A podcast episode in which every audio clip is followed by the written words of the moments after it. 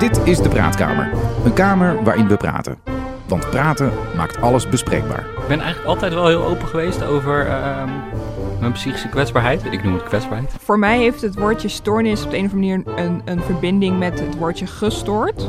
Ehm, en ik vind niet dat mensen met een psychiatrische stoornis eh, gestoord zijn. Want het is geen eh, schande. En die schaamte eh, en dat taboe dat erop zit en het ongemak als je er eerlijk over probeert te zijn, dat vind ik eigenlijk zo vervelend. Mijn naam is Rob Schaap en elke week ontvang ik in mijn studio een gast met een eigen verhaal. Nou ja, er is gewoon iets meer tussen hemel en aarde, dat blijf ik zeggen. Kijk, het is hetzelfde dat ik ook in ufo's geloof. Bedoel, ze hebben dingen gevonden die, die wij zeg maar nu ehm 40 jaar geleden zijn gaan gebruiken.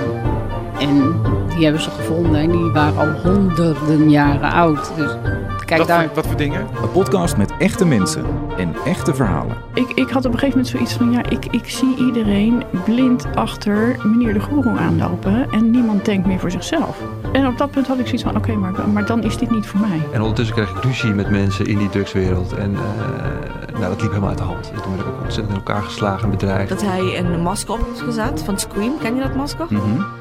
En toen had hij een keukenmes. Verhalen over ambities, En ik wil, ik wil meer met mijn boek. En dat is dat ik echt wel eh, iets wil veranderen binnen de maatschappij. En, en voornamelijk binnen de arbeidsmarkt. Donderdag teken ik eh, de papieren zodat Petra et cetera ook een stichting is geworden. Want daar willen we leuke dingen mee doen. En als eerste wil ik een verhalenbundel uitbrengen. gesprekken met humor en de nodige relativering. Ik ben altijd dommer en lelijker. En, eh, ja, dat is gewoon zo. Ja, ik heb ook niks bereikt. Ik kan ook niet echt heel veel dingen of zo. Krachtige levenslessen en ervaringsverhalen. En omdat ik het niet onder woorden kon brengen. En het gebrek aan die communicatievaardigheid, de kennis die ik nu heb, was zo waardevol geweest toen. Ja, ja. Maar ik heb Ja. wel specifiek moeten definiëren wat is dan voor mij geluk. En dat is een relatie met, met mijn dierbaren, echt contact met mensen waar ik van hou.